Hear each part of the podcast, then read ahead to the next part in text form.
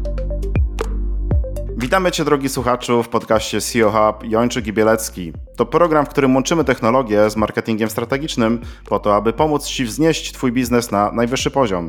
Ja jestem Cezary Bielecki, jestem właścicielem firmy Digital Forms, gdzie od lat pomagamy przedsiębiorstwom budować silne technologiczne fundamenty. Ja nazywam się Przemysław Jończyk i od 17 lat prowadzę grupę strategiczno-kreatywną Jacob, w której pomagamy firmom budować marki i tworzyć strategie marketingowe. Zapraszamy do wysłuchania podcastu. W dzisiejszym odcinku porozmawiamy o tym, jakie analizy warto przeprowadzić, aby wiedzieć, czy nasz produkt, czy nasza firma ma szansę poradzić sobie na rynku, na który dopiero chcemy wejść. Czyli jesteśmy już w jakimś kraju, ale chcemy wejść może na jakiś sąsiedni, a może powinniśmy spróbować na drugim końcu świata, bo może na przykład nasz produkt tam pasuje lepiej. W jaki sposób to sprawdzić? Zapraszamy.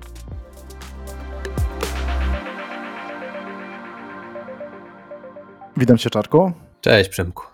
Przemku, powiem Ci, że od jakiegoś, właściwie powiem Ci tak, no mieliśmy taki bardzo długi okres, 4 lata, e, kiedy w ogóle nie mieliśmy żadnego polskiego klienta, mieliśmy klientów z Wielkiej Brytanii, mieliśmy klientów ze Stanów, z Dubaju, z Holandii, z wielu miejsc. Natomiast zastanawiamy się, na które następne rynki wypadałoby wejść i zastanawialiśmy się w związku z tym, jak zbadać ich potencjał i gdzie najlepiej skierować swoje e, siły sprzedażowe. I wiem, że są pewne sposoby, żeby odpowiedzieć sobie na to pytanie i takie pytanie dzisiaj do Ciebie kieruję. Spróbujmy sobie odpowiedzieć, w jaki sposób to e, pomierzyć, sprawdzić, zanalizować.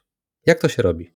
Tak, zgadza się. Otaczająca nas globalizacja, e, czyli szybkość przepływu informacji, dostęp do internetu, e, pracy zdalnej, no powoduje, że dzisiaj bardzo wielu przedsiębiorców ma wręcz pokusę wejścia na zagraniczne rynki. No bo świat, że tak powiem, stoi otworem, jeśli tak można kolokwialnie powiedzieć, no i jest dużo łatwiej dzisiaj wejść na te rynki niż to było kiedyś. Natomiast to nie oznacza, że to jest mm, zdecydowanie proste. Dlatego też dzisiaj chciałbym omówić e, trzy analizy, które mm, uważam za niezbędne do wykonania, zanim zdecydujemy się inwestować w ekspansję zagraniczną. I tutaj takim bym powiedział jednym z głównych powodów, dla których warto przeprowadzić, ja to nazywam analizą potencjału rynkowego, jest to, że taka analiza pozwala, te analizy pozwalają nam zidentyfikować właśnie potencjalne zapotrzebowania na dany produkt lub usługę na danym rynku.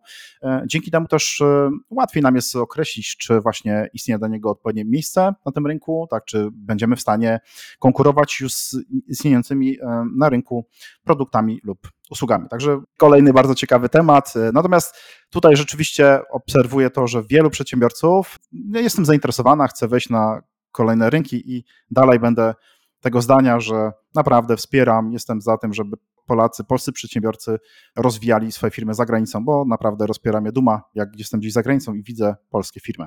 Warto o tym powiedzieć mm, z tego powodu, że odruchowo większość firm próbuje, mam wrażenie, zaatakować rynki gdzie wydaje nam się, że jest po prostu najwięcej pieniędzy, gdzie społeczeństwo jest e, najbogatsze. Natomiast jak e, zapewne zaraz pokażą nam e, analizy Przemka, niekoniecznie jest to dobry kierunek. Z wielu powodów, no, taki najbardziej oczywisty, który przychodzi mi do głowy, jest to, że tam, gdzie jest najwięcej pieniędzy, będzie też największa konkurencja, ale może też nasz produkt być, być niedopasowany, ale zaraz sobie do tego wszystkiego przejdziemy. Więc Przemku, jak to wygląda? No, ciekawe tematy już poruszasz i widać u ciebie akurat, że ty masz jednak dużą świadomość tego, jak e, po prostu wchodzi się na konkretny rynek. Odpowiedź brzmi bardzo podobnie jak nasz rodzimy rynek. Mała dygresja, no bo zobacz, nawet na polskim rynku, jak startujemy z jakimś biznesem, to tak naprawdę trzeba byłoby sprawdzić, dobrze byłoby oczywiście sprawdzić, jak wygląda ten rynek, e, czyli jaka jest powiedzmy wielkość tego rynku, czy są potencjalni odbiorcy na nasze produkty, tak? Powinniśmy wykonać taką analizę biznesową. Ja nie ukrywam, że wiele, wiele lat temu, jako bardzo młody przedsiębiorca, było to ponad 20 lat temu, otwierałem swój pierwszy biznes i go otworzyłem w taki sposób, że pomyślałem sobie, no Otwierałem sklep wtedy w ogóle, żeby było śmieszniej, ale pomyślałem sobie, że no na pewno to po prostu jest potrzebne, tak? Czyli nie zrobiłem żadnych analiz, jakoś to będzie. Na takiej zasadzie zawsze byłem mega optymistą i powiem Ci, że czasem jak spotykam się z przedsiębiorcami, to wielu przedsiębiorców też tak działa. Tak? Na zasadzie takiej, że nie wiem, wejdźmy sobie do Stanów, no bo to jest ogromna gospodarka, czyli tam są pieniądze, na pewno tam zarobimy, albo wejdźmy sobie na rynek brytyjski. No prawda jest taka, że wypadałoby zrobić pewnego rodzaju analizy. Może zacznę najpierw od. W sumie dzisiaj nie miał być do końca o tym odcinek, ale trochę zajawię. No bo bardzo często pojawia się pytanie, ok, ale który rynek wybrać? Który rynek dla mnie jest najlepszy? No i tutaj znowuż, często spotykam się z czymś takim, że przedsiębiorca mówi tak, ok, no to my w sumie tu w Polsce super działamy, mamy stronę internetową, ona świetnie tu nam konwertuje, mamy po polsku, no to teraz co? To teraz jak zrobimy wersję angielską, no to, to, to, my już możemy zdobywać wszystkie rynki, tak? To tym już od razu wchodzimy na UK, wchodzimy od razu na Stany, Australię i, i wszystkie rynki, które e, są angielskojęzyczne. Czyli jak gdyby takie myślenie jest na zasadzie, że ok, czyli wystarczy tak naprawdę zmienić wersję językową i że to już jest ok. Jakie są, Czarku, twoje doświadczenia w ogóle? Też spotykasz się z tym, że przedsiębiorcy właśnie tak e, myślą sobie? Może sam tak kiedyś myślałeś? Oczywiście, że tak myślałem. No oczywiście przetłumaczenie strony, fajny pierwszy krok. Natomiast jak się wchodzi na zagraniczne rynki, no jest to zdecydowanie bardziej skomplikowane, bo jest yy, ojejku, z miliona powodów. Y, jest totalnie inna kultura pracy, inne rzeczy rezonują z tamtymi klientami. Y, nawet te same produkty są y, inaczej nazywane, tego jest mega dużo. I zauważ jedną rzecz tak, teraz to mówisz, to się wydaje takie bardzo oczywiste, nie? że no przecież to jest naturalne, że na innym rynku będzie prawdopodobnie inna kultura, zachowania konsumenckie, zupełnie może inny styl biznesowy i tak dalej. Wydaje nam się, jak teraz o tym rozmawiamy, że to jest bardzo naturalne. Natomiast bardzo często przedsiębiorcy wpadają w taką pułapkę, gdzie nagle o tym zapominają, że okej, okay, no to teraz my wystarczy, że sobie zrobimy stronę po angielsku i teraz my już zdominujemy rynek amerykański czy angielski. Nie? A na rynku polskim walczyliśmy 10-20 lat i żeby wyjść na pozycję naprawdę, nie wiem, czy to lidera, czy, czy, czy jakąś taką, no naprawdę silną pozycję, zajęło nam to mnóstwo, mnóstwo czasu. No dobra, ale okej. Okay. Trochę podpowiem, w jaki sposób można byłoby podejść do tematu i zastanowić się, jaki rynek dla mnie jest dobry. No bo nieoficjalnie przed y, naszym podcastem też mi zadałeś w sumie to pytanie, mm, e, jak z tym rynkiem. No to jest narzędzie, Google stworzył takie narzędzie i to narzędzie nazywa się Market Finder. Wystarczy sobie wpisać w Google Market Finder. I to jest bardzo ciekawe narzędzie, ponieważ ono działa w taki sposób, że e, wprowadzamy sobie, to znaczy pyta nas o branżę, o w jakiej działamy i tak dalej, i wprowadzamy adres www naszej strony internetowej i teraz Google ma ogrom danych, ponieważ Google na całym świecie robi kampanie reklamowe, mm, no więc wie wszystko o firmach, wie o tym, jak wygląda sprzedaż praktycznie w każdym kraju. Robi analizę naszej strony, na tej podstawie sprawdza, jakie produkty oferujemy, usługi, w jakim działamy sektorze i tak dalej. Jeśli mamy kampanie stworzone reklamowe, to też już wie o nas, jak wyglądają nasze kampanie reklamowe i Google pokazuje nam, jakie rynki dla nas z tym produktem i usługą będą najlepsze. Także jeśli ktoś z, z, przedsiębiorców, kto nas słucha, nie robił sobie jeszcze takiego ćwiczenia, to polecam w ogóle w pierwszej kolejności sprawdzić właśnie w tym narzędziu. E, to pierwsze takie sprawdzenie jest tam bezpłatne. Oczywiście, jak chcemy więcej z tego korzystać, to Google tam wymaga oczywiście za to sobie opłat, natomiast y, można to zbadać bezpłatnie. I tutaj powiem szczerze, miałem zaskoczenie małe.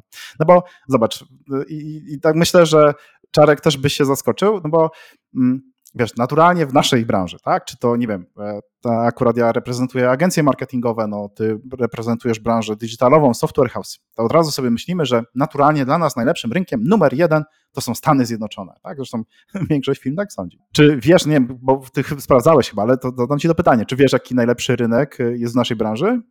Co pokazywało, czy nie? Zakładam, że mamy jednak ciut inną, inną branżę, bo e, my mamy tą transformację cyfrową i wszystko, co się dookoła tego kręci.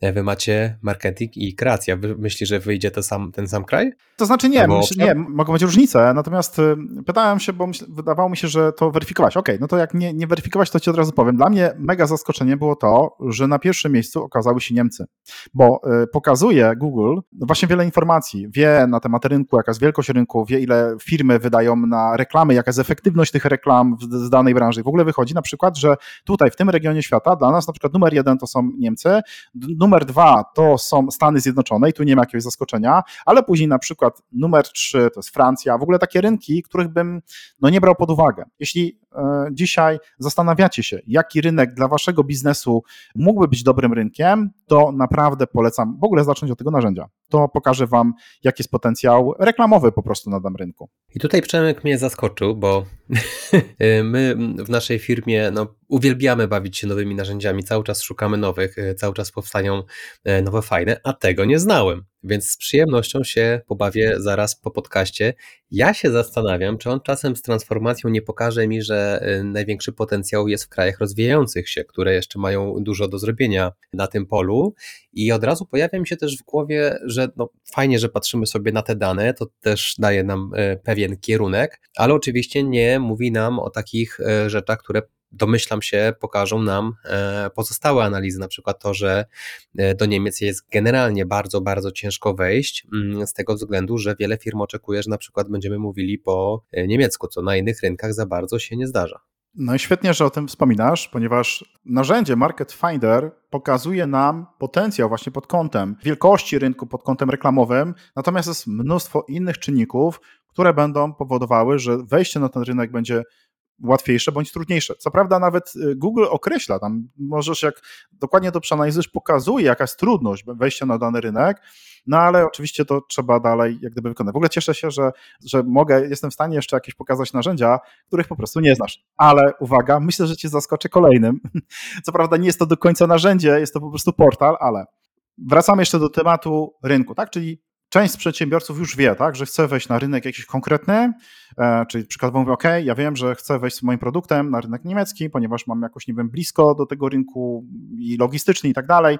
I tutaj jak gdyby bierzemy to pod uwagę, że część przedsiębiorców już wie, jaki rynek chce i warto sprawdzić po prostu też potencjał tego rynku. Ci, co jeszcze nie wiedzą, jaki rynek, warto skorzystać z tego narzędzia. Ale teraz uwaga, jeszcze tutaj taka rzecz ważna. Co powinniśmy de facto wiedzieć o rynku, na który chcemy wejść? No bo to, że nam się wydaje, że on jest atrakcyjny, to nam się to może wydawać i teraz powinniśmy tak naprawdę dowiedzieć się kilka rzeczy.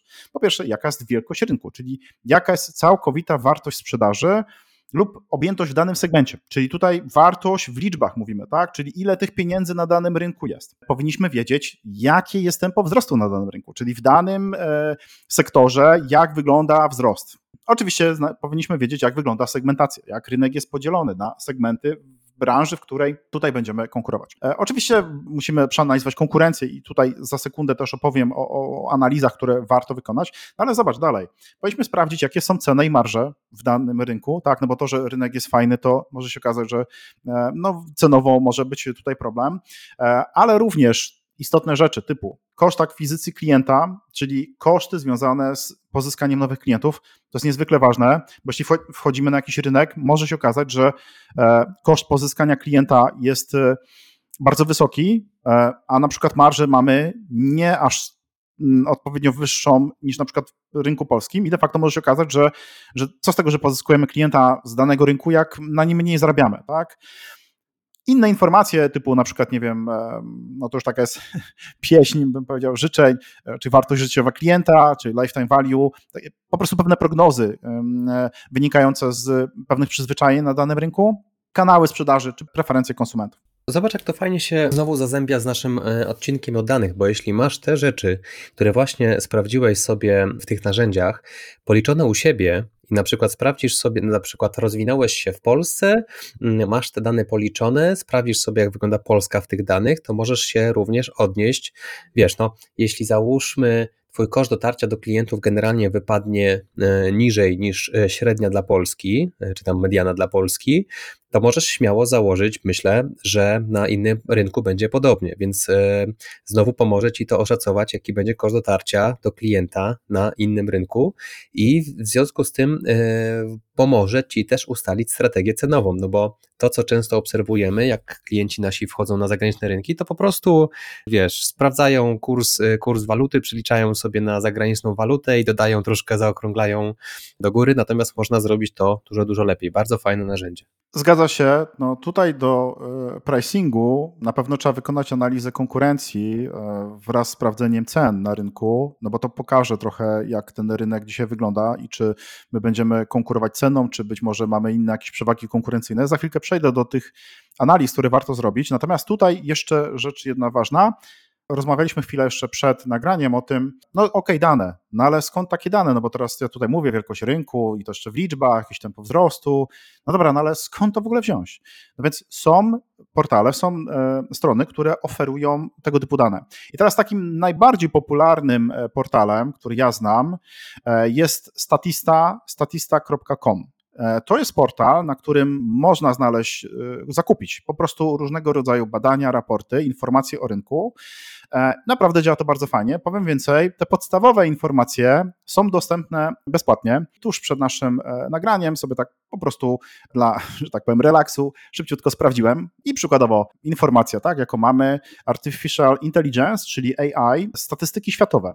I teraz mamy tak, takie kluczowe insighty, które są niezbędne. Global AI Market Size, czyli wielkość rynku, to o czym powiedziałem, wielkość rynku w 2023 roku, oczywiście to jest podane e, w dolarach, czyli 207 bilion USA dollars, czyli to jest 207 miliardów dolarów, tak? To jest wielkość rynku w tym momencie. Pokazuje też na przykład largest AI patent holder worldwide i to jest firma e, Baidu. Takich informacji możemy uzyskać e, wiele, wiele innych e, e, na temat, no właśnie, wielkości rynku, na temat tego, jak ten rynek rośnie.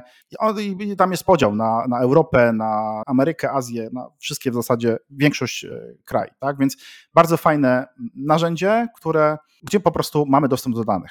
I tutaj też bardzo ważna informacja, bo czasem dane potrafią sporo kosztować. To znaczy, to jest tak, że jeden raport będzie za darmo, a drugi raport, który wymagał znaczy może nie wymagał więcej zachodu, bo one wszystkie wymagają dużo zachodu, natomiast jest jakiś bardziej niszowy, będzie kosztował czasem, nie wiem, 5 tysięcy dolarów, czasem nawet 10 tysięcy dolarów dostęp do pewnych danych, tak? Czyli tu możemy dowiedzieć się właśnie, jakie są, nie wiem, nawyki konsumenckie w danym kraju, e, no te wszystkie informacje jesteśmy w stanie stąd wyciągnąć. Tylko powiem tutaj, kończąc tą część taką wstępu, jeśli chodzi o wybieranie rynku, w zasadzie wszystkie duże firmy, które robią taką penetrację docelowych rynków, do których chcą wejść, zaczynają właśnie od, od zakupu takich, albo sami robią badania, zlecają badania, jeśli ich nie ma, a jeśli jest dostęp do danych, po prostu je kupują. Mega fajne narzędzie, bardzo mi się podoba to, o czym opowiedziałeś. Zaraz będę się e, bawił, sam będę tym klikał. No mega, mi się, ja jestem zachwycony. Nie znałem tego wcześniej, zaskoczyłeś mnie, będę się bawił.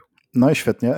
Przejdźmy do meritum dzisiejszego odcinka, czyli trzy kluczowe analizy, które uważam, że są po prostu niezbędne, żeby zweryfikować, sprawdzić, czy dany rynek jest dla nas. Czyli jeśli już podjęliśmy decyzję, OK, myślę sobie, sprawdziłem to y, i na statystyce, raporty, sprawdziłem w Google informacje na temat danego rynku, przykładowo, nie wiem, chcę wejść na rynek amerykański, no to pytanie, czy tam jest miejsce dla mnie? I teraz tak, pierwsza analiza, najbardziej popularna, chyba większość z nas ją zna, natomiast ciągle będę powtarzał, że ona jest niedoceniana i bardzo często nie do końca prawidłowo wykonywana. To jest analiza SWOT. Ona jakby jest dwukierunkowa, czyli robi analiza SWOT, analizuje czynniki zewnętrzne i czynniki wewnętrzne. I teraz wewnętrznie pozwala nam sprawdzić, czy co wewnętrznie możemy sprawdzić, tak? Nasze silne strony jako firma, to na co mamy wpływ, czyli nasze silne strony i nasze słabe strony.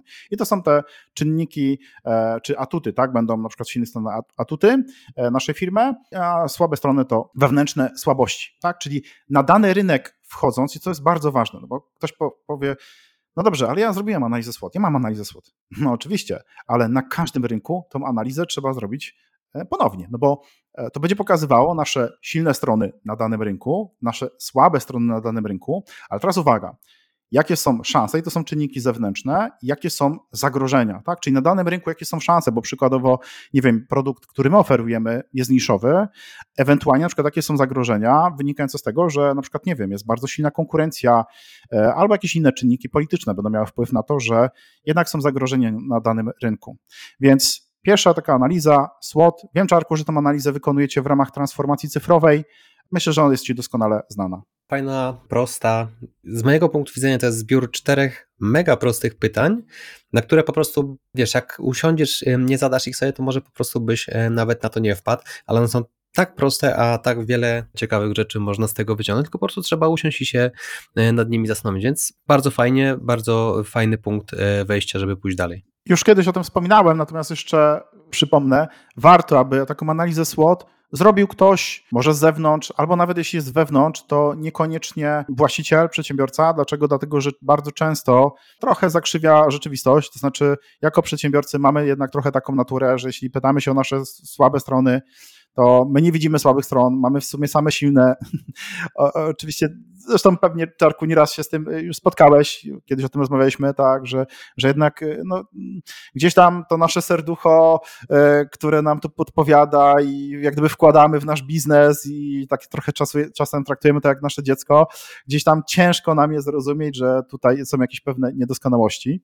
Dokładnie. E, to jest to, dlaczego bardzo często transformacja cyfrowa się nie udaje, jeśli do tego jest zatrudniona osoba wewnątrz firmy, no bo ona czasami nie będzie miała, no brzydko mówiąc, jaj, żeby szefowi powiedzieć, że coś źle robi na przykład.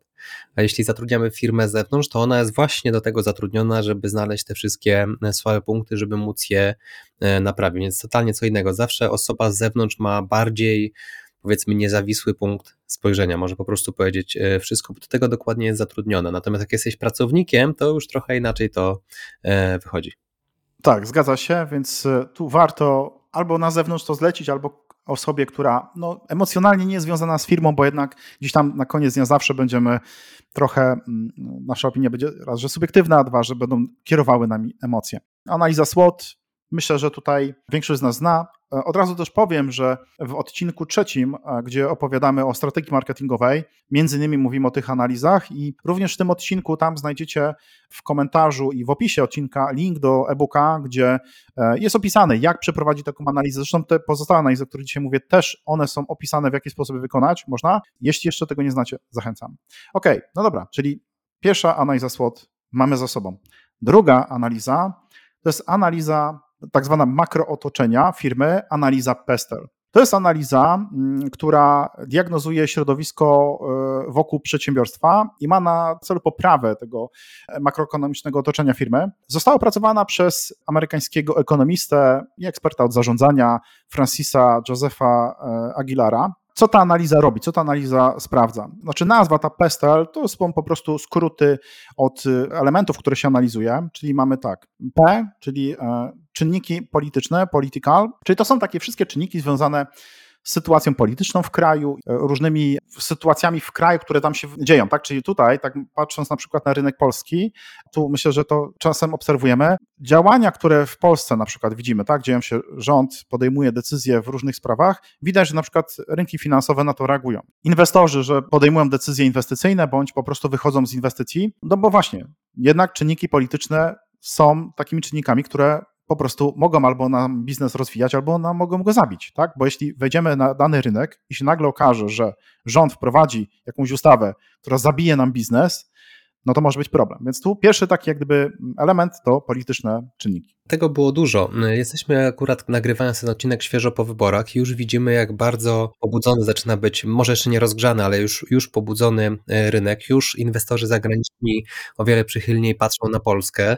E, jeśli pójdzie to dalej w tym kierunku, no to chociażby przez to, że napłynie e, dużo więcej kapitału, może nam to dużo zmienić na naszym rynku. Ale to jest przykład, w jaki sposób polityka generalnie wpływa na rynki. Jakimś innym przykładem, no myślę na przykład mogłoby być, no już to już chyba kilkanaście lat ładnych minęło, minęło, e, kiedy nasz rząd wprowadził e, zakaz palenia, jak to się ładnie mówi, w w, Jezu, w budynkach, w środku, budynkach użyteczności publicznej, jakoś tak. No generalnie nie można już palić oczywiście e, w restauracjach, klubach i tak dalej. No myślę, że jeśli byśmy działali z branżą tytoniową, no tutaj moglibyśmy się zmierzyć z tym, że e, w związku z tym mogłyby być e, cięcia na jakieś zewnętrzne działania z firmami technologicznymi, marketingowymi, właściwie z dowolnymi dostawcami. Więc z tego typu rzeczami musimy się też mierzyć na zagranicznych rynkach. No myślę, że najbardziej znanym, no nie wiem, byłoby pewnie wojna na Ukrainie, czy to, że Wielka Brytania wyszła z Unii Europejskiej, co również, e, no na pewno, umówmy się, biznesowi nie pomaga, jeśli my dalej w tej Unii jesteśmy.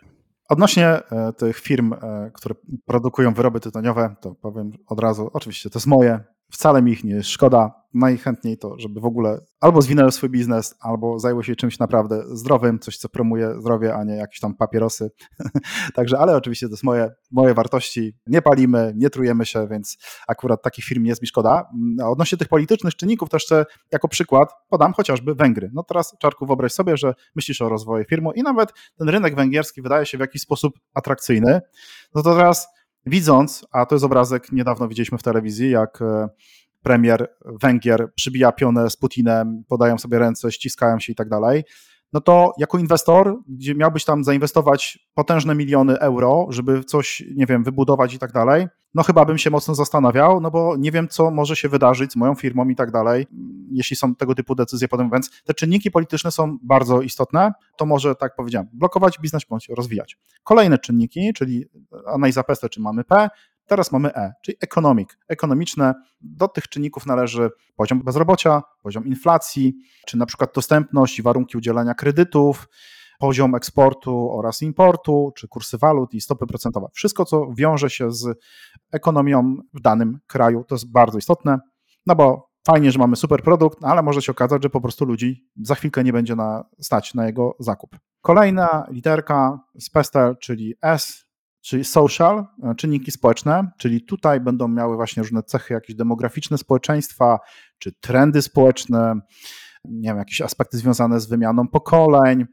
Tutaj jest właśnie ta część kulturowa i ja to widzę w taki sposób, że no jeśli trochę podróżujemy gdzieś tam po świecie, to chociażby już po Europie widzimy, że jednak no, różnimy się, tak? Czyli na przykład inne mamy nawyki zakupowe niż na przykład, nie wiem, e, Włosi, niż na przykład Hiszpanie i już widać, tak, jak ktoś e, na wakacje wyjeżdża, to widzi, że to jest jednak inna kultura, oni inaczej się zachowują, więc biznesowo też inaczej do tego podchodzą. Natomiast jak wylecimy gdzieś dalej poza Europę, już takie bardziej egzotyczne kraje, jakieś Ameryki Południowe, Azję i tak dalej, to ktoś, kto już był, to wie, że tam już jest naprawdę ogromna, wręcz bym powiedział, przepaść kulturowa. I niestety jest tak, że przedsiębiorcy trochę o tym zapominają, bo nam się wydaje, że my tak trochę w tej Europie, to, to ten świat tak cały wygląda. A to jest absolutnie nieprawda. My tak trochę żyjemy w takiej naszej bańce. Nam się wydaje, że tak świat jest cały skonstruowany, a on absolutnie nie jest tak skonstruowany, no bo on będzie zależny od wielu rzeczy. Po pierwsze, od tego właśnie, jaki jest ustrój polityczny, czy tam jest jakaś dyktatura, czy nie. Po drugie, jaką wyznają religię często też, tak? Bo tu też czasem różne kwestie religijne będą miały wpływ na, na to, czy dany produkt można sprzedawać, czy nie. No chociażby tak już dzisiaj zaczęliśmy o tych używkach, to znaczy ty zacząłeś, Czarku, e, i których oczywiście nie popieramy, e, no to inne używki, typu na przykład alkohol, e, no na przykład w krajach muzułmańskich jest zabroniony, tak, teoretycznie, o tym wiemy, no ale jednak nie, nie postawiłbyś sobie sklepu tak oficjalnie, powiedzmy, nie wiem, gdzieś tam w Emiratach Arabskich, no i tak jakbyś tego nie sprawdził, ktoś by nie wiedział, to trochę mógłby być zaskoczenie, że jednak tam alkoholu tak nie, oficjalnie sprzedają. Dokładnie. Myślę, że najważniejsze, co tutaj możemy podciągnąć pod to, to jest taki generalny mindset ludzi z innych krajów, bo y, nawet już nie chodzi o samą sprzedaż, ale sama kultura współpracy jest zupełnie inna z ludźmi, którzy są z innych krajów. Widzimy gigantyczną różnicę, nawet jak to jest kraj, który nie jest daleko, kraje skandynawskie, Niemcy, a powiem Wam, że na przykład już za Wielką Wodą ze Stanami jest jeszcze zupełnie inaczej i to wszystko składa się na to, jak do tych klientów dotrzeć, jak potem układa się z nimi współpraca. Powiem Wam jako ciekawostkę, na przykład jak zaczęliśmy współpracować ze Stanami, to mieliśmy taki troszkę, może nie problem, ale zastanawialiśmy się o co właściwie chodzi, że klient na każdym kolu, e, który miał z nami, e, mówił, że wszystko jest awesome, perfect. I tak zastanawialiśmy się, no tak okej, okay, no może robimy pracę dobrze, ale czy to jest takie aż e, niesamowite? E, I musieliśmy się przedstawić, że oni po prostu tak mówią, że jak oni tak się zachwycają, to jest takie ich wersja naszego, no okej. Okay. fajnie pokazuje, jak, jak gigantyczna jest różnica w mindsetie, co się przekłada nawet na tą e, codzienną współpracę, która jest, e, która jest zupełnie inna. I druga historia, którą e, zawsze opowiadam, jak ludzie pytają, a jak to jest współpracować z zagranicą, to kiedy mieliśmy pierwszy projekt ze Stanów, wystawiłem fakturę zaliczkową i klient następnego dnia, czyli pewnie u niego to był ten sam dzień, E, poprosił, że, że musimy się dzwonić. On bardzo e, może prosić, żebyśmy się dzwonili. Mówię, no pewnie e, projekt jednak nie odpali, coś tam, coś tam się nie udało. On powiedział, że on bardzo przeprasza, ale on dopiero puścił przelew.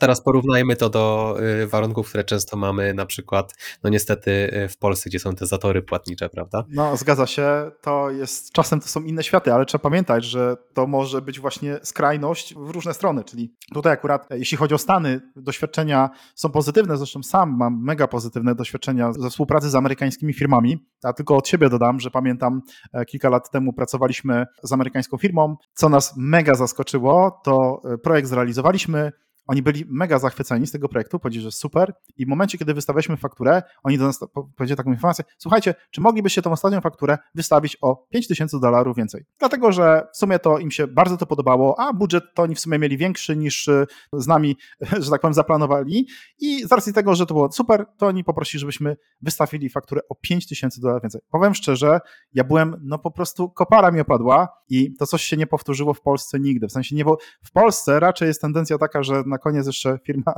chciałaby jakoś jeszcze może coś obciąć. Nawet, że jest super zadowolona i jest super fajnie, ale to jeszcze może z 1000 zł taniej. No mega, po prostu byłem mega zaskoczony. Tak, to się powoli zmienia na szczęście. E, widzimy, że e, mindset polskich przedsiębiorców zaczyna iść e, w stronę zachodnią, no ale dalej niestety widać tą różnicę.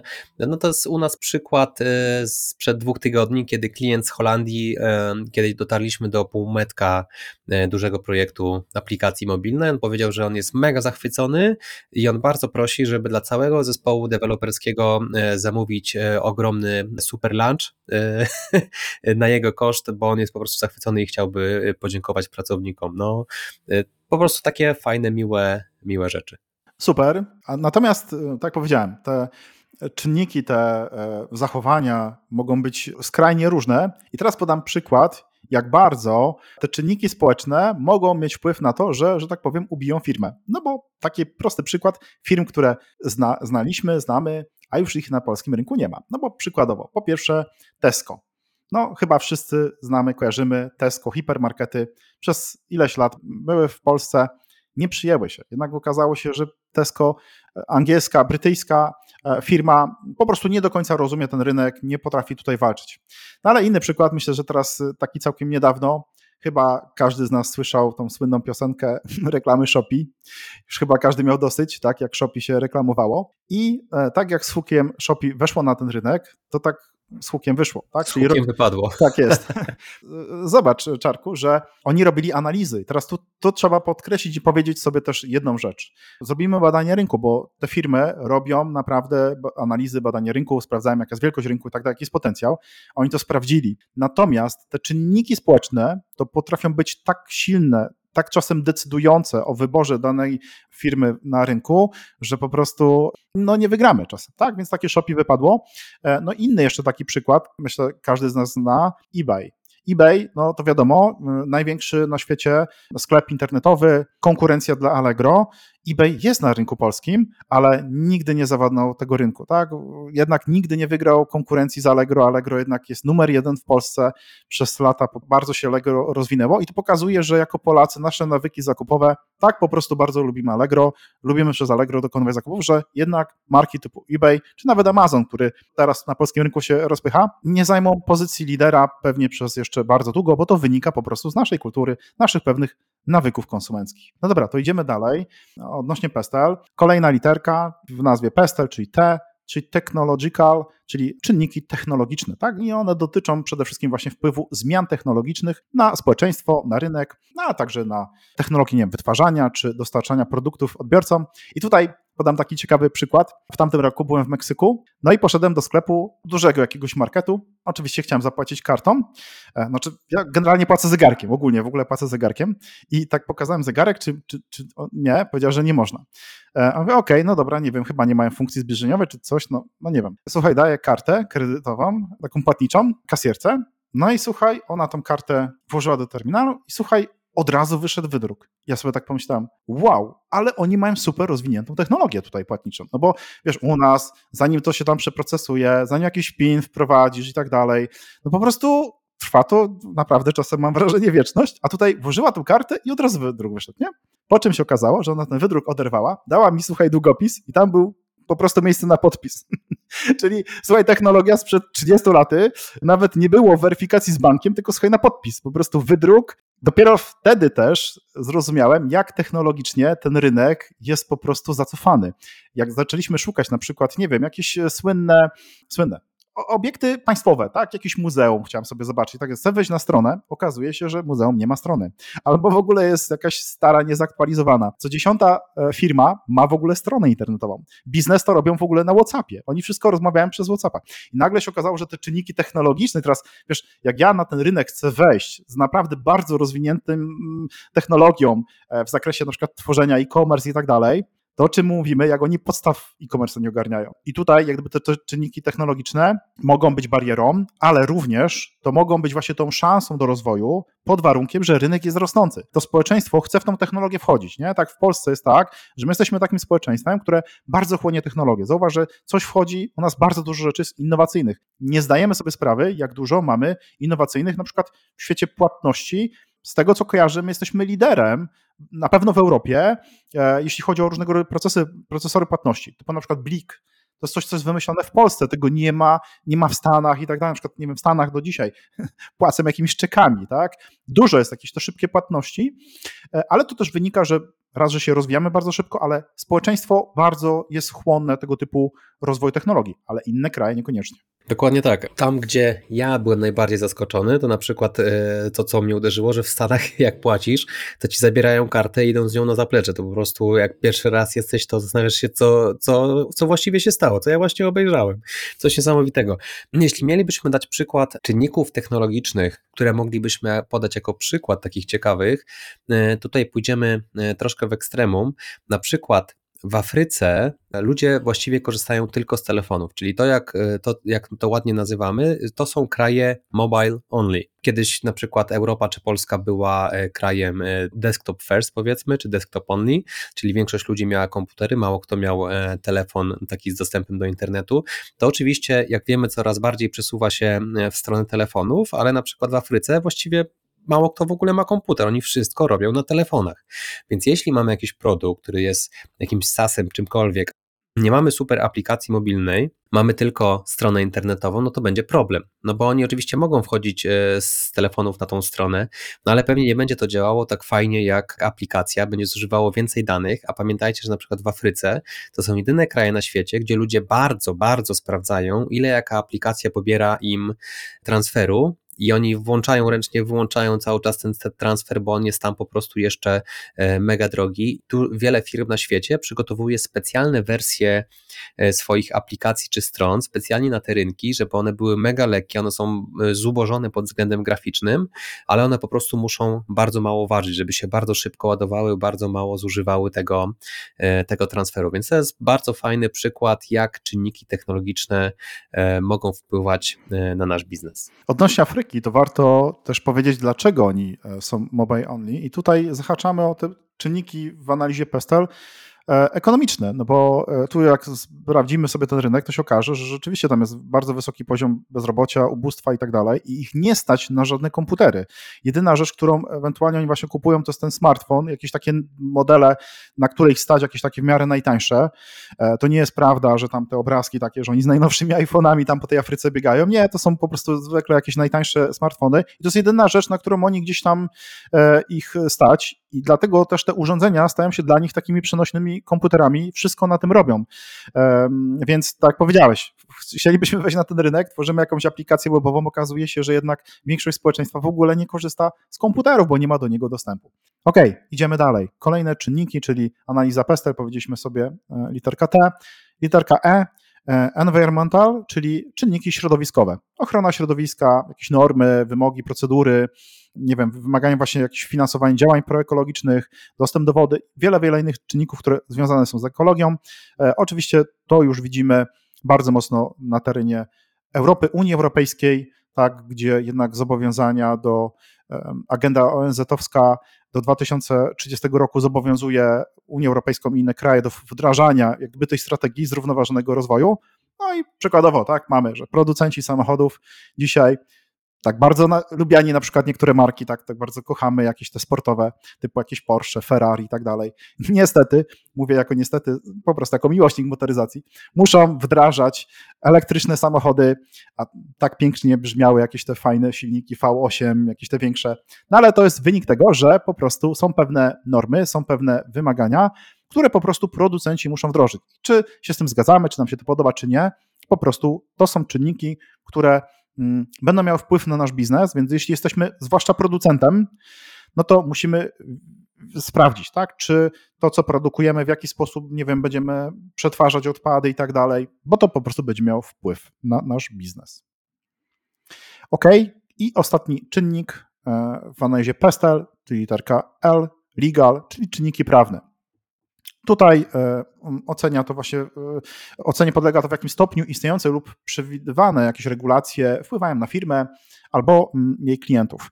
E, bardzo takie popularne, to jest czynnik prawny, chociażby no nie wiem, w Europie mamy RODO, tak? W Stanach Zjednoczonych nie ma czegoś takiego jak RODO, tak? Ale takich elementów prawnych jest bardzo dużo i to jest bardzo istotne, że jeśli z danym produktem, usługą wchodzimy na dany rynek, musimy to sprawdzić, czy czasem, bo się może okazać, że prawnie my pewnych rzeczy nie możemy sprzedawać, albo mm, na przykład nie możemy się reklamować, no bo wiemy tak, że na przykład w ramach e, Unii Europejskiej nie wszystkie firmy, nie wszystkie produkty mogą być promowane, więc e, może być problem taki, że wyjdziemy na rynek, natomiast się okaże, że prawnie nie wolno nam po prostu promować. No i to już będzie problem. Zastanawiam się, jaki tu jest fajny przykład. Coś, co mi szybko przychodzi do głowy, to jest, że na przykład w Stanach jest dozwolona e, reklama porównawcza. Nie wiem, u nas czy w Europie jest w ogóle zabroniona? E, na pewno jest w Europie, nie wiem w jakich innych krajach, ale faktycznie w Europie jest zabroniona reklama porównawcza. No, to pokazuje, tak, że jednak nie wolno u nas e, wyświetlać reklam, gdzie pozycjonujemy się versus konkurencja. Co więcej, no, u nas jest też zabroniona i to jest bardzo e, namiętnie, bym powiedział, przez Facebooka mm, weryfikowane, na przykład reklamy, które pokazują przed po, czyli zwłaszcza to jest w branży beauty, tak, czyli na przykład masz jakieś, nie wiem, zabiegi, jest pokazywana twarz, nie wiem, że przed zabiegiem i po zabiegu, to jest w ogóle zakazane. Dużo jest takich, e, wiesz, e, czynników, które jednak mają wpływ na nasz biznes, na przykład, tak, jeśli chodzi o Europę, to dostęp do danych, zwłaszcza teraz jest y, ta bardzo restrykcyjna polityka, jeśli chodzi o dane, przetwarzanie danych, tak, tak powiedziałem, to RODO czy GDPR, jeśli chodzi o Europę. Ale tak jak widzisz, tak, chociażby sam e, Apple teraz powprowadzał to, że jak gdyby ogranicza dostęp do danych pewnym aplikacjom.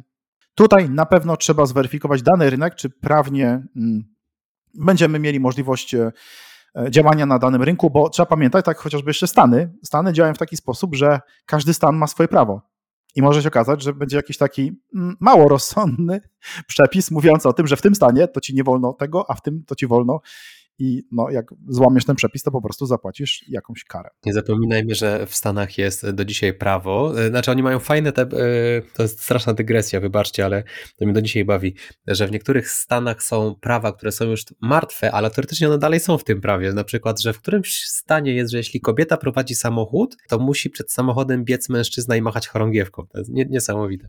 Okej, okay. no powiem tak, nie skomentuję tego, może tylko tak, że w Stanach tylko mówi to, że się zmieniają, jak widać. tak, dokładnie tak. No dobrze, powiedzieliśmy sobie o dwóch analizach, analiza SWOT, analiza PESTAL. To trzecia analiza, która uważam, że jest niezbędna, żeby no, sprawdzić, czy dany rynek jest dla nas, będzie dobrym rynkiem. To jest analiza konkurencji, ale mm, to jest tak zwana analiza pięciu sił Portera. Została stworzona przez e, profesora Harvardu, Michaela Portera w 1790 roku. No, została stworzona przez niego na potrzeby właśnie oceny atrakcyjności sektora. Tak? Obecnie właśnie ona stanowi jedną z takich podstawowych metod do analiz e, strategicznych, po prostu analiz strategicznych wejścia na dany rynek, analiz konkurencji. Ok, i mm, ta analiza pięciu sił Portera, no, jak nazwa wskazuje, też ma tych pięć sił, które sobie to analizujemy. I teraz tak, pierwsza to jest siła tak zwana rywalizacja w branży, czyli musimy jak gdyby ocenić sobie intensywność rywalizacji między istniejącymi firmami w branży.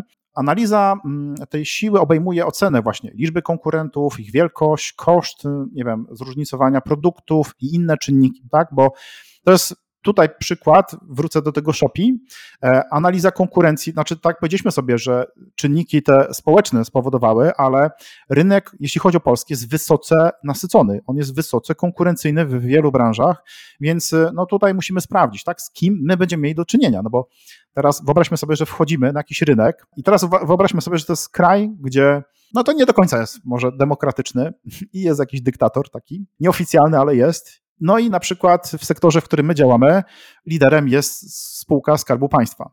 I teraz, jeśli my bardzo mocno w ten rynek będziemy chcieli wejść, nie trudno się chyba domyśleć, że nie wygramy z takim konkurentem, bo po prostu nas ubije na każdym kroku, jak tylko będzie chciał. Więc to jest ta analiza rywalizacji w branży. Czy wchodząc w tą branżę, rzeczywiście konkurenci, którzy na tym rynku są, czy my z nimi wygramy? To jest jakby pierwsza rzecz. Taki przypadek, który mi się od razu kojarzy, to jest, e, czy mamy na rynku jakiegoś takiego hegemona, który, z którym będzie mega ciężko. I tutaj warto chyba podać przykład, e, kiedy eBay próbował wejść na polski rynek i próbował walczyć z Allegro. No, jak się skończyło, pamiętamy. Za wesoło nie mieli. No tak, tu mówimy o, o jeszcze o eBayu, takiej firmie z zewnątrz, ale można powiedzieć też o rynku naszym, e, czyli walka w ogóle wewnątrz e, kraju, to chociażby teraz, mm, wiadomo, jeśli chodzi o paczkomaty, urządzenia paczkowe, jak to tam się prawidłowo nazywa, no bo paczkomaty nazwa jest zastrzeżona przez Impost, nie ma co ukrywać, jest liderem, ale tu widać teraz, że jest ogromna walka Allegro z paczkomatami. Tak jak korzystamy z Allegro, to widać, jak bardzo mocno cisną na to, żeby dokonać zakupu przez, wybierając właśnie to urządzenie paczkowe przez e, Allegro. No, ale to na, na, pewno też musieli jakieś badania zrobić. I teraz uwaga, e, z tych badań wszystkich to oczywiście pokazuje nam to, że oczywiście jak rynek jest wysoce konkurencyjny, ale w tych badaniach przede wszystkim dowiadujemy się, jaka jest, jaki jest potencjał jeśli jest bardzo duży potencjał, czyli do wygrania jest e, wiesz, duża stawka, no to dlatego firmy podejmują to ryzyko walki i tak chociażby to Allegro, walkę z impostem, gdzie tu jest potentatem, ale ta stawka jest bardzo duża. Wiedzą, że jak tutaj uda im się ugrać, to, to ugrają sporo. Ok, idziemy dalej. Kolejna siła, tak zwane jak gdyby zagrożenia ze strony y, nowych y, uczestników, czyli oceniamy, jak łatwo nowe firmy mogą wejść na rynek i stworzyć konkurencję dla istniejących firm. Tutaj jest pewnego rodzaju, po pierwsze, bariera wejścia, tak, czyli wchodzimy przykładowo w naszej branży, ta bariera wejścia w rynek jest bardzo łatwa. No bo jeśli świadczysz usługi typu software house czy jakieś usługi konsultingowe, no to de facto co ty potrzebujesz mieć? E, mnóstwo osób, nie wiem, kończy jakieś kursy, kupuje sobie laptopa, i już może sobie taką firmę otworzyć. Więc jak gdyby bariera wejścia w ten rynek jest bardzo łatwa.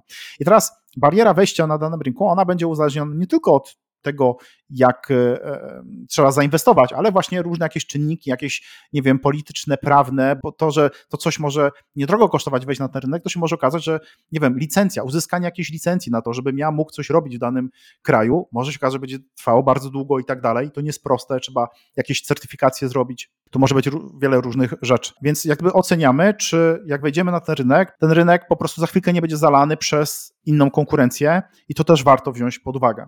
Kolejna siła, którą tutaj Porter rekomenduje, żeby sprawdzić, no to jest zagrożenie ze strony produktów zastępczych, czyli tutaj mm, analizujemy możliwość taką, gdzie klienci mogą przejść na produkty lub y, usługi zastępcze, tak? czyli produkty zastępcze mogą zagrażać no właśnie pozycji firmy, jeśli oferują lepszą wartość lub mają niższe ceny. No i tutaj znowuż przykład właśnie, wracamy do tego eBaya i, i Allegro, no bo, bo to jest alternatywa, tak? I teraz jeśli klienci mają do wyboru coś, co jest sprawdzone i, i, no, po prostu od lat z tego korzystają, to przekonanie ich do czegoś innego może być bardzo trudne, jeśli, uwaga, nie dajemy wyraźnej korzyści dla klienta, bo on przejdzie do naszej firmy, jeśli naprawdę będzie to to będzie tak wartościowe, że będzie chciał. Tutaj trzeba wrócić trochę do psychologii człowieka, do takiej trochę, bym powiedział, to jest taki trochę próg bólu naszego. To znaczy, wiadomo, jako ludzie kochamy status quo. Ciągle będziemy w czymś jednym z czegoś korzystać i tak dalej. Tak nam się mówi, że, że nie lubimy wychodzić z tej strefy komfortu i wręcz ta strefa komfortu jest niemalże wszędzie. Czyli korzystamy z jakiegoś narzędzia, to korzystamy i nie chcemy za bardzo z innego, no bo o Jezus, bo, bo, bo po prostu to znamy, a tu będziemy musieli się uczyć. Tutaj jest właśnie ten problem, że jeśli my wchodzimy z czymś nowym na dany rynek, to jeśli nie będzie wy wyraźnej korzyści, tak? Takiej, gdzie ta osoba zobaczy, że no faktycznie to jest tak fajne, że ja to, to chcę z tego skorzystać, to be, może być ogromny problem. I to nie dotyczy w zasadzie rynków zagranicznych, każdego rynku de facto, tak? Jak tworzymy nowy produkt, który jest całkowicie inny. Kolejną siłę, którą trzeba e, przeanalizować, no to jest czwarta siła z tych pięciu, siła negocjacyjna dostawców. Czyli tutaj tak naprawdę trzeba sobie ocenić, Mm, jak silna jest pozycja negocjacyjna dostawców. Tak? Jeśli dostawcy mają silną pozycję, mogą zwiększyć ceny lub ograniczyć dostępność surowców, tak? co może negatywnie wpłynąć e, na firmę. No i teraz przykład z hipermarketami, z marketami spożywczymi. Jeśli jest firma, która wchodzi na dany rynek, to będzie musiała przykładowo taka, nie wiem, e, żabka, czy, czy nie wiem, jakieś inne sklepy spożywcze, czy markety i tak dalej, no na przykład te produkty spożywcze muszą, nie wiem, kupować od rolników i tak dalej. I teraz wszystko zależy, żeby na tym rynku dobrze konkurować, to wiadomo, że muszą w retailu, czyli w takiej sprzedaży, muszą mieć po dobrej cenie. No nie, nie, pewnych rzeczy nie wszystko da się przywieźć z zagranicy, tak? Zwłaszcza jak wchodzimy na jakieś dalsze rynki, no to, to z Polski no, nie zawieziemy wszystkich naszych produktów nagle, nie wiem, gdzieś tam do, na drugi kontynent, więc musimy musimy, mm, nasza strategia będzie bazowała na tym, że my będziemy negocjować na tym rynku. No i teraz pytanie, jaka będzie nasza pozycja, jakie my mamy tam wynegocjowane rabaty i tak dalej, i tak dalej. I znowuż, może się okazać, że mm, z racji tego, że jesteśmy z innego kraju, no to niekoniecznie będą chętnie w ogóle nam chcieli dać jakieś rabaty i po prostu przegramy na starcie. Dokładnie. E, jakiś taki inny przykład, żebyście mogli to sobie zobrazować. Załóżmy, że produkujemy duże rzeczy, które bardziej opłaca nam się produkować na miejscu niż przewozić z innego kraju, no bo są duże i ciężkie, czyli załóżmy jakieś wyroby metalurgiczne. W związku z tym musimy e, dostać półprodukt, surowiec e, z jakiejś lokalnej huty stali. Załóżmy, że w tym kraju są tylko upaństwowione te huty stali, które mają swoich stałych odbiorców, właściwie mają stałe ceny, nie za bardzo chce się im gadać z nowymi podmiotami, no i nagle jest problem, bo e, nie możemy sobie w dobrej cenie załatwić w powtarzalny sposób odpowiedniego surowca, no i mamy problem tak naprawdę. Fajnie, że możemy przenieść produkcję, ale mamy e, ogromny problem, żeby mieć dostęp do dobrych e, półproduktów. Zgadza się. No i ostatnia siła, którą tutaj Porter rekomenduję, aby zweryfikować, to jest znowu siła negocjacyjna kupujących. Powiedzieliśmy właśnie o tych dostawcach, czyli musimy znaleźć dostawcę i pytanie, w jaki sposób my wynegocjujemy stawki, ale jest coś takiego jak siła negocjująca kupujących. I tutaj działa to w, trochę w taki sposób, że to rynek może wymóc na nas na przykład obniżenia cen, e, czy nie wiem, wręcz zwiększenia jakości, i tutaj taki przykład, co prawda odnoszący się do ogromnych firm, ale trochę obrazujący, no to przykładowo energetyka, tak? E, przykładowo państwo polskie tak narzuciło pewne ceny energii. Teraz pomimo, że możemy być prywatnym dostawcą e, energii, no to niestety nie mamy siły negocjacyjnej, ponieważ w ogóle to jest odgórnie narzucone. To jest jak gdyby jedna rzecz. Druga rzecz to też jest taka, że na danym rynku pewni odbiorcy nie będą chcieli kupić naszych produktów w cenach określonych, ponieważ na przykład będą się zrzeszać w jakieś stowarzyszenia, w jakieś konsorcja, w jakieś e, e, ugrupowania i tak dalej. I tutaj ta nasza siła e, sprzedającego, ich jak gdyby pozycja negocjacyjna będzie dużo, dużo wyższa. No i znowu, że będziemy mieli problem na rynku. Porter tutaj określił tych pięć elementów, to tak powiedziałem, to jest analiza konkurencji, która bierze pod uwagę właśnie tych pięć różnych sił, o których on mówi. No i warto to, to, to, tą analizę przeprowadzić. Powiem tak, tych analiz, co prawda trzy analizy, ale tych elementów jest dużo. Co ciekawe, wykonując te wszystkie analizy, to nam oczywiście już pokaże, powie, jak ten rynek wygląda, e, jakie potencjalnie mamy szanse na tym rynku, no ale oczywiście to nigdy nie da nam 100% pewności, czy ten rynek rzeczywiście będzie dla nas idealny, dlatego też y, no, wspomniałem o tych firmach, a takich marek jest bardzo dużo, które znamy z polskiego rynku, tak? typu jakieś Tesco, typu jakiś Jean, e, naprawdę mnóstwo marek, które po prostu w Polsce próbowały, z tego rynku wyszły, bo pewne czynniki właśnie polityczne, społeczne powodowały, że no, działanie na tym rynku stało się nieatrakcyjne, tak? Woleli te pieniądze stąd wyciągnąć, zainwestować na innych rynkach, które są rynkami nie wiem, bardziej rozwijającymi się bądź jakimiś schodzącymi. Bo trzeba pamiętać też jeszcze jedną rzecz, dany rynek może być rynkiem schodzącym. Nie? I, I co z tego, że teraz jest fajnie, ale na przykład ten rynek już maleje nie? I, już po prostu e, za kilka lat nie będzie tak atrakcyjny. Dlatego cały czas inwestorzy, dlatego cały czas firmy szukają kolejnych rynków, takich, które są rynkami, które odnotują wzrost. Tak, jest dokładnie tak, jak mówi Przemek, że Oczywiście możemy próbować e, i powinniśmy robić sobie te analizy, żeby jakichś takich bardzo oczywistych rzeczy po prostu nie przegapić. Natomiast pamiętajmy, że biznes jest bardzo kompleksowy, do końca nie możemy powiedzieć, gdzie nam się uda, no ale musimy te analizy robić, żeby przynajmniej e, móc w jakikolwiek sposób obstawiać. No zwłaszcza w przypadku tak gigantycznych, skomplikowanych rzeczy jak sprawdzenie całego państwa, tych wszystkich czynników makroekonomicznych, tak naprawdę ich jest, tych sił jest tak dużo, że nie jesteśmy w stanie ich wszystkich wziąć pod uwagę, no ale przynajmniej musimy, e, musimy jakoś próbować określić, na które rynki e, moglibyśmy ewentualnie sobie wejść, a gdzie możemy sobie poradzić. No dobrze, Przemku, to co? To spróbujmy to podsumować. Jak to wygląda? Dobrze, podsumowując, e, dzisiaj rekomenduję bardzo mocno trzy analizy, które uważam każda firma minimum powinna wykonać, zanim zainwestuje potężne pieniądze, wchodząc na konkretny rynek, no bo zakładam, że jeśli już wchodzimy na jakiś rynek, to mamy już konkretny budżet, pieniądze, na który chcemy w to zainwestować. Czyli powiedzieliśmy sobie o analizie SWOT, analiza SWOT, cztery czynniki, elementy, silne strony, słabe strony, szanse i zagrożenia. Myślę, że tutaj większość ze słuchaczy tą analizę zna. Analiza PESTEL, czyli elementy, które tutaj analizujemy, polityczne, ekonomiczne, społeczne, technologiczne, środowiskowe i prawne. No i trzecia analiza pięciu sił Portera, stworzona przez profesora Harvardu, Michaela Portera. No i on tutaj analizuje po pierwsze rywalizację w branży, zagrożenia ze strony nowych uczestników, zagrożenia ze strony produktów zastępczych. E, czwarta siła to jest, są e, negocjacje dostawców, czyli siła negocjacyjna dostawców. No i piąta siła to jest siła negocjacyjna kupujących. Od siebie tutaj dodam jeszcze, że no, takie analizy oczywiście wykonujemy u nas na co dzień. No, na rynku oczywiście sporo firm konsultingowych, które robią tego typu analizy potencjału wejścia na konkretne rynki. I pamiętam um, kilka lat temu jeden z klientów, um, z którym rozmawiałem, zadał mi takie pytanie, no bo wykonanie tych analiz, no to jest określony czas, który po prostu trzeba na to poświęcić, to po prostu są robocze godziny. Jest to pewnego rodzaju inwestycja, tak? I e, kiedyś pamiętam, jak taki przedsiębiorca mówi, no tak, panie Przemysławie, no ale wie pan, no, ale ja tu zainwestuję w tą analizę i chce mi pan powiedzieć, że może być taka sytuacja, że po tej analizie pan mi powie, że, że w sumie to my nie mamy szans wejścia na dany rynek. To jak pan sobie to wyobraża?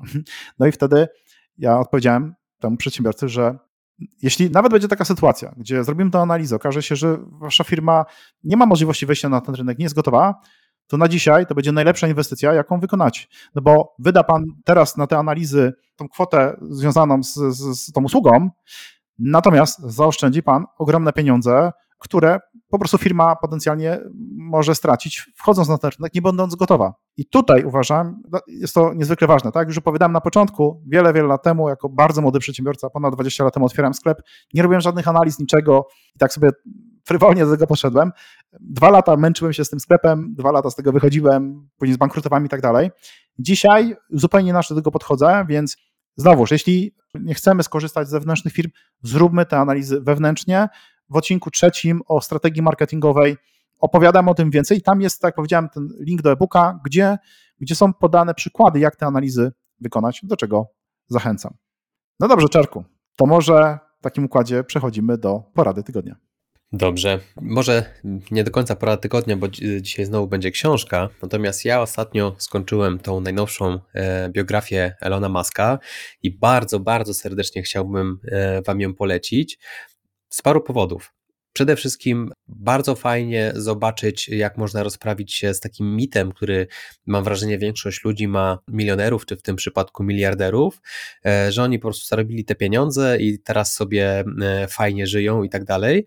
Absolutnie to nie jest ten przypadek. Elon zakłada kolejne firmy, on dalej się zajeżdża. Bardzo ciekawe, mm, ciekawym doświadczeniem jest przeczytać, że on sam sobie narzuca jakieś e, niesamowite, ciasne deadlines, bo on musi w ten sposób żyć. On musi czuć tą presję. Jak jest za spokojnie, to on się po prostu e, źle czuje to fajnie daje odpowiedź na pytanie, dlaczego założył e, tyle firm, które tak bardzo popychają świat do przodu.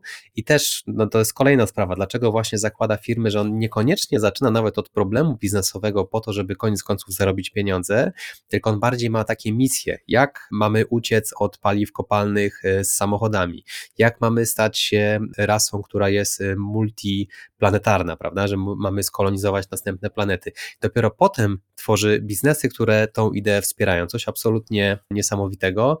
E, warto też przeczytać, jak ten człowiek, e, ile on właściwie pracuje naprawdę tam śpi po, po 2-4 godziny na podłodze, e, na podłodze w fabryce na obecnym etapie, gdzie już jest po prostu miliarderem i on zupełnie nawet nie musi tego robić. Co jeszcze? Warto przeczytać, y, w jaki sposób podchodzą do budowy produktów, że oni nie projektują wszystkiego od początku, budują to nie wiadomo ile lat, tylko mają jakieś założenie, załóżmy, wystrzeliwują tą rakietę, nawet jeśli ona wybuchnie, to oni się czegoś uczą na tym y, i budują następny egzemplarz nauczony doświadczeniami y, z poprzedniej czy to, że wypuszczają autopilota w Tesli, który jest w becie, ale oni już zbierają te dane, pozwala im to o wiele szybciej tego autopilota testować w prawdziwym środowisku. Mega, mega dużo ciekawych y, insightów jest y, w tej książce. No i ona jest napisana przez Waltera Isaacsona, który napisał też świetną biografię Steve'a Jobsa, Tima Cooka, Leonardo da Vinci, bardzo lekkie, fajne pióro, które bardzo przyjemnie się czyta. No, biografię Steve'a Jobsa, jego przeczytałem, nie wiem, z 30, 30 parę razy spokojnie, audiobooka też przesłuchałem wiele razy. Bardzo polecam, bardzo e, fajna książka, bardzo przyjemnie się czyta. E, Elon Musk, biografia Waltera Isaacsona. Aha, jeszcze bardzo ważna uwaga, bo wielu ludzi mi na pewno to mówiło, że jest pudrowana wierzcie mi, że nie jest, nie jest pudrowana. Myślę, że nikt o zdrowych zmysłach, jak przeczyta tą książkę, nie pomyśli, że mózg tutaj pewne rzeczy przypudrował, bo on tam nie wychodzi absolutnie na świętoszka. Także gorąco polecam, mi się mega podobało. Czytałem biografię e, Elona Muska e, kilka lat temu, prawdopodobnie innego autora, nie pamiętam, kto napisał. Też ją czytałem, tamta była słaba. To znaczy powiem tak, e, na pewno wszystkie te dokonania, które Musk zrobił są mega imponujące i rzeczywiście można się nauczyć tego, jak można rozwijać firmę, jakie są strategie no, takich firm właśnie jak Tesla czy, czy, czy innych, które tutaj Musk stworzył. Natomiast wydaje mi się, że te biografie są o tyle fajne, że przedsiębiorca, czytając taką biografię, może sobie odpowiedzieć na pytanie, czy chciałby być na miejscu takiego przedsiębiorcy, czy to jest w ogóle kierunek, którym e, jako przedsiębiorca chciałbym iść i od razu mogę odpowiedzieć, że absolutnie nie. To znaczy Elon Musk to jest taki przedsiębiorca, którym ja się w ogóle nie identyfikuję. On jest wizjonerem, no właśnie tu, tu jest zupełnie inne podejście, no ale to w jaki sposób on działa, to o czym powiedziałeś, tak, że on tam potrafi spać po 4 godziny na podłodze i tak dalej. Nie identyfikuję się w ogóle z tym, trochę inne mam podejście do życia, inne wartości wyznaję, ale myślę, że naprawdę warto rzeczywiście tych no, takich naprawdę wybitnych przedsiębiorców poczytać ich biografię, bo to pokazuje, jaki ma mental, jak dochodzi się do takich rzeczy, ale myślę, że przedsiębiorcy też znajdują odpowiedź sobie na to pytanie, tak? Kim chcemy być w życiu, czy my chcemy właśnie iść w kierunku, nie wiem, e, bycia powiedzmy multimilionerem, bo wiadomo, że na koniec dnia gdzieś tam ten biznes, no to chodzi o pieniądze, więc pytanie, czy nas interesuje rozwinąć biznes, który będzie nam generował, nie wiem, e, dziesiątki milionów, czy może miliardy. No i... Czy chcemy zmienić świat, nie? Tak, czy chcemy zmienić świat. Ja już wiem, że miliardy już mnie na pewno nie interesują, to już są takie skale ogromne, że że po prostu aż e, no, niemożliwe do ogarnięcia, jakie to są kwoty i co by można było z tym zrobić, ale to myślę, że każdy przedsiębiorca właśnie musi odnaleźć siebie i właśnie tutaj jest, to, to jest ciekawe, bo to jest takie poszukanie DNA swojego, swojego no już tak pójdźmy rozwojowo, why, które tutaj Simon Sinek e, bardzo mocno promuje. Po co rozwijam firmę? Po co ją prowadzę? Jakie mam cele? Tak? Gdzie ją chcę doprowadzić? Nie? Czy to jest właśnie zmienianie świata, czy to jest po prostu może zmienianie jedynie mojego otoczenia rodzinnego, jakby ma tylko zapewnić mi mój rozwój mojej rodziny. Nie? Więc z tym pytaniem, w jakim kierunku pójść, zostawiamy Was, drodzy słuchacze. Czarku, bardzo Ci dziękuję za dzisiejszy odcinek. Dzięki Przemku, do usłyszenia. Cześć.